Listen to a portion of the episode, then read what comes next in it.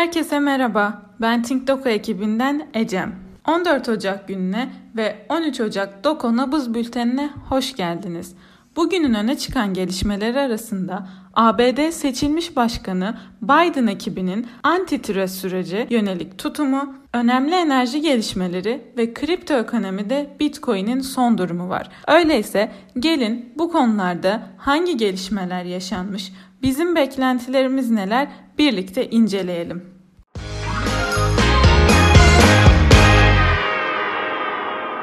Eurasia Grup her yıl olduğu gibi 2021 içinde en önemli siyasi riskler listesini açıkladı. Listede siyasetten ekonomiye birçok başlıkta dünyayı bekleyen riskler açıklandı. Bizim kısaca listemizde Biden'ın meşrutiyetinin sorgulanması, Covid-19 sonrası normalleşmenin gecikmesi, ABD-Çin gerilimi gibi 10 adet başlık bulunuyor hem bizim listemizin tamamına ulaşmak hem de Eurasia grubun açıkladığı raporun tamamına ulaşmak isteyenleri 13 Ocak Doko Nabız bültenine bekliyoruz.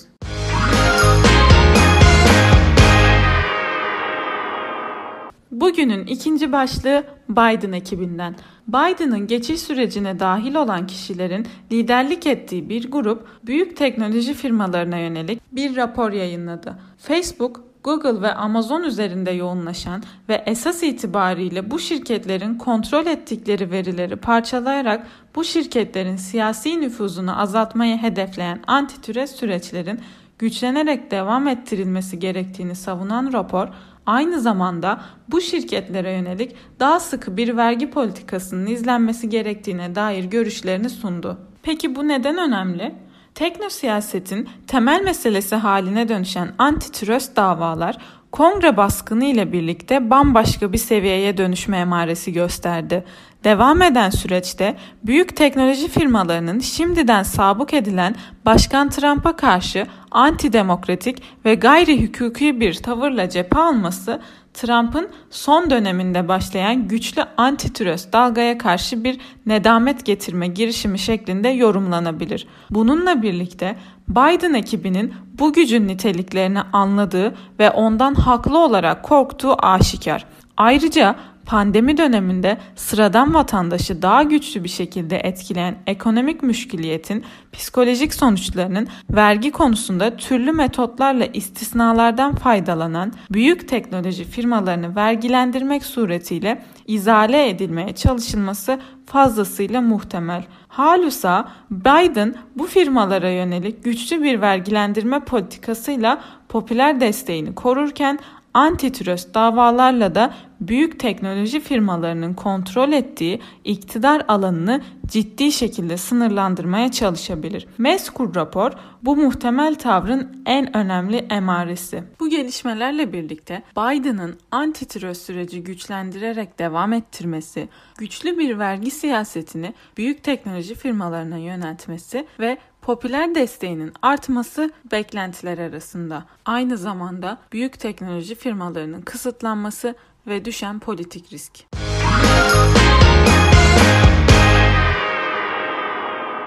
Üçüncü başlığımız ise Çin, enerji ve Avrasya konusundan. Xi Jinping'in 2060 yılına kadar Çin'deki petrol tüketimini %65 ve doğal gaz tüketimini %75 oranlarında azaltmayı hedeflediğini duyurmasının ardından Merkezi Asya ve Rusya ile Çin arasındaki doğal gaz dolaşımını sağlayan boru hatlarının geleceği de merak konusu oldu. Bu hedef doğrultusunda 2030 yılına kadar kömür tüketiminin yerini doğal gaz ile doldurma olmayı hedefleyen Çin, uzun bir süre boyunca Merkezi Asya ve Rusya'dan ciddi miktarda gaz tedarik etmeye devam edecek. Bu noktada dikkat çeken bir şey var ki Türkmenistan'ın hazine gelirlerinin neredeyse tamamı Çin'e ihraç ettiği doğal gaz gelirlerinden oluşuyor. 2019 yılında Türkmenistan'ın doğal gaz ihracının neredeyse tamamı Çin'e yönelikti. Peki bu detaylar neden önemli? Doğal gazın yüksek gelir getirdiği geçtiğimiz 20 yılda Rusya Rusya bu durumu ustalıkla lehine kullanabildi. Bununla birlikte Çin'in belirlediği ajanda doğrultusunda iklim kartını da kullanarak doğalgazın jeopolitik avantajlarını lehine çevirme ihtimalini göz önüne almamız lazım. Çin'in Venezuela, Ekvador ve Irak'ta taraf olduğu cömert petrol anlaşmaları da hesaba katılınca Çin'in yürüttüğü enerji temelli jeopolitik atılımın doğalgazı da kapsadığı ve bilhassa Merkezi Asya ile Rusya üzerinde yoğunlaştığı açık. Çin'in talebi kontrol ederek enerji tüketicisi ülkeleri ehlileştirme stratejisine Rusya'nın nasıl yaklaşacağı ve Merkezi Asya üzerinde bu cihetten bir nüfus kavgasına girecek kaynağının olup olmadığı ise bambaşka bir soru. Dolayısıyla çoğunluk tarafından neredeyse verili kabul edilen Rusya-Çin işbirliğinin gelecek yıllarda Merkezi Asya'da çetin bir rekabete dönüşme sinyaliyle karşı karşıyayız. Aynı zamanda Çin'in doğal gaz talebi üzerinde tekel oluşturmak için Katar'a da yönelmesi ve sıvılaştırılmış doğal gaz trafiği üzerindeki kontrolünü sıkılaştırmak üzere gerekli altyapı yatırımlarını yapmaya başlaması ve yükselen politik risk diğer beklentiler arasında.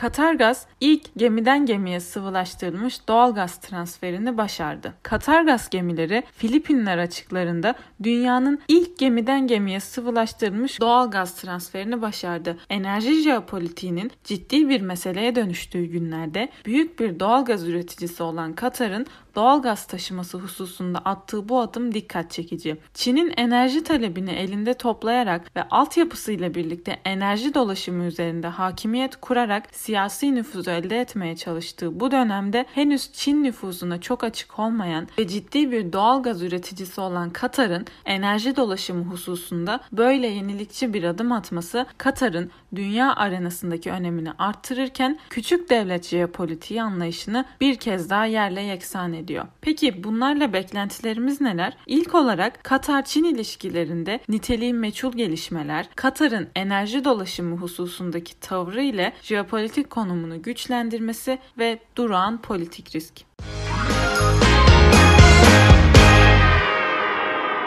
Kripto ekonomide bu bülten. Bitcoin toparlandı. Pazar günü yaşanan %20'lik çakılmanın ardından analistler Bitcoin fiyatlarının artmaya devam edeceğine yönelik tahminlerini sürdürdü. Bitcoin fiyatlarının Ocak ayının sonlarına doğru 52 bin dolara ulaşması hedefleniyor. Peki neden önemli? Alternatif bir ekonomik modele yönelik en önemli ümitlerden birine tekabül eden Bitcoin'in fiyatlarındaki her dalgalanma Bitcoin'e yönelik ümitleri de sarsıyor. Bitcoin'in balina etkisine bu denli açık olması bu durumun sabit olması halinde alternatif bir ekonomik modelin insanlık için ne kadar faydalı olacağını da sorgulatıyor. Bununla birlikte Bitcoin'in yaşadığı bu ani düşüş tehlikeli bir şekilde 2017'yi hatırlatırken teknik analizlerin ötesinde davranışçılığın Bitcoin'i anlamak için çok daha hayati olduğunu bize hatırlatıyor. Bunlarla beklentilerimiz neler? Öncelikle Bitcoin'in balina etkisine açık bir şekilde yüksek yükselişini sürdürmesi. Aynı zamanda Bitcoin'in kendini savunamadığı bu tehdide karşı çözüm önerilerinin oluşturulması, kurumsal akışının bir süreliğine yavaşlaması, kurumsalların balina etkisine karşı yahut balina etkisini ele geçirmek için mücadeleye başlaması ve son olarak yükselen politik risk.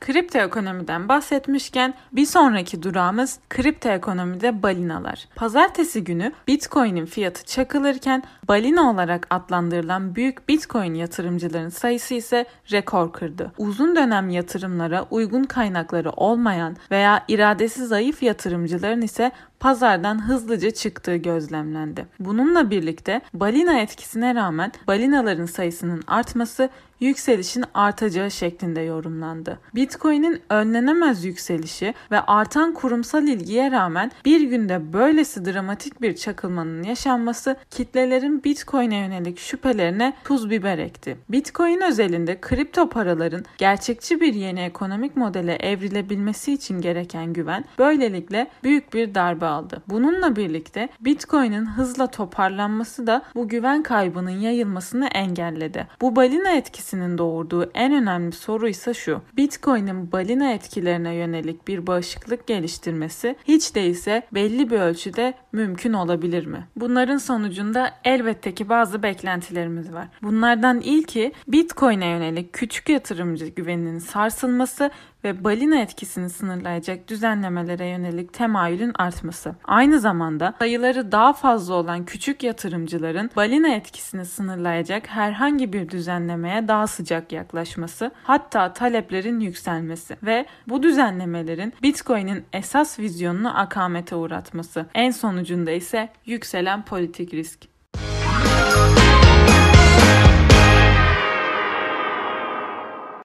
QNB Grup 2020 yılında 24 milyar Türk lirasından fazla kar etti. QNB'nin açıkladığı karın geçen seneye göre %16 azalması ise dikkat çekti. Bununla birlikte küresel pandemiye rağmen devam eden kar çizgisi ise ilgi çekti. Bunu neden mi önemli buluyoruz? Körfez normalleşmesinin Katar'ın şartlarında gerçekleşmesinin nedenlerinden birisi de Katar'ın geliştirdiği alternatif stratejik ilişkiler ve enerjinin ötesinde bir ekonomi programını hayata geçirmek konusunda ciddi olması. Katar'ın finans sektöründe pandemi ve abluka gibi iki etmenden tam manasıyla negatif bir etkiye kapılmadan hayatına devam etmesi ülkenin ekonomik gücüne yönelik bir fikir veriyor. Peki bu gelişmelerle beklentiler neler? Öncelikle Körfez normalleşmesi sonrasında Körfez'de artan Katar nüfusu, Katar ekonomisinin normalleşme ile birlikte güçlenmeye devam etmesi ve düşen bir politik risk.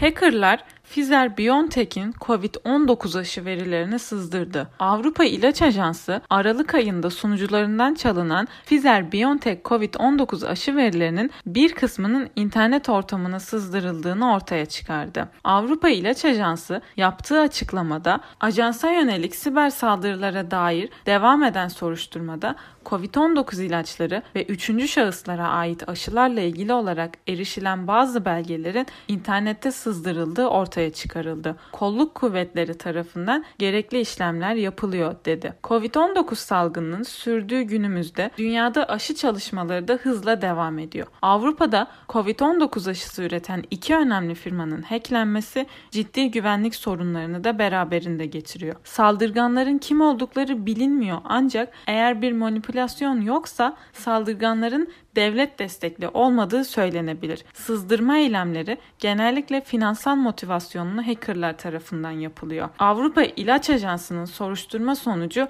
belki gerçeği ortaya çıkarır. Bununla birlikte neler olabilir? Aşı şirketlerinin verileri aşı üretmeye çalışan İran, Kuzey Kore gibi devletlerin eline geçebilir. Özellikle ABD ve Avrupa'daki aşı laboratuvarları ise yeni saldırılara hedef olabilir.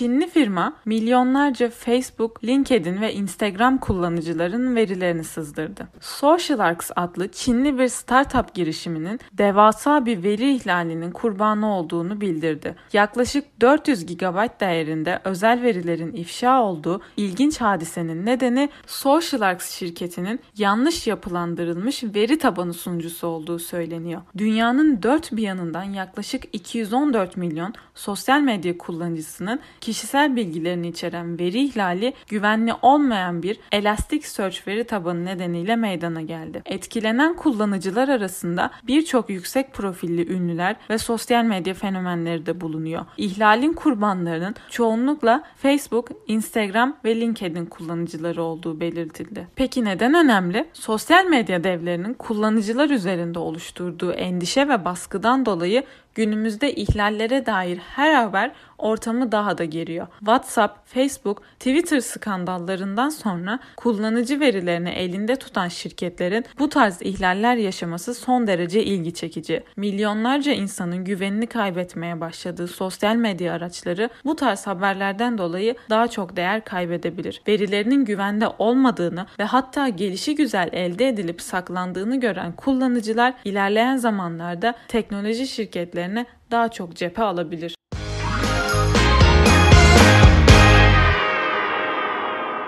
Bugünlük bültenimizin sonuna geldik. Beni dinlediğiniz için teşekkür ederim. Umarım siz de dinlerken benim kadar keyif almışsınızdır. Dünyayı anlamlandırmak için bültenlerimizi takip etmeyi unutmayın. Bir sonraki podcast'imizde görüşmek dileğiyle. Hoşçakalın.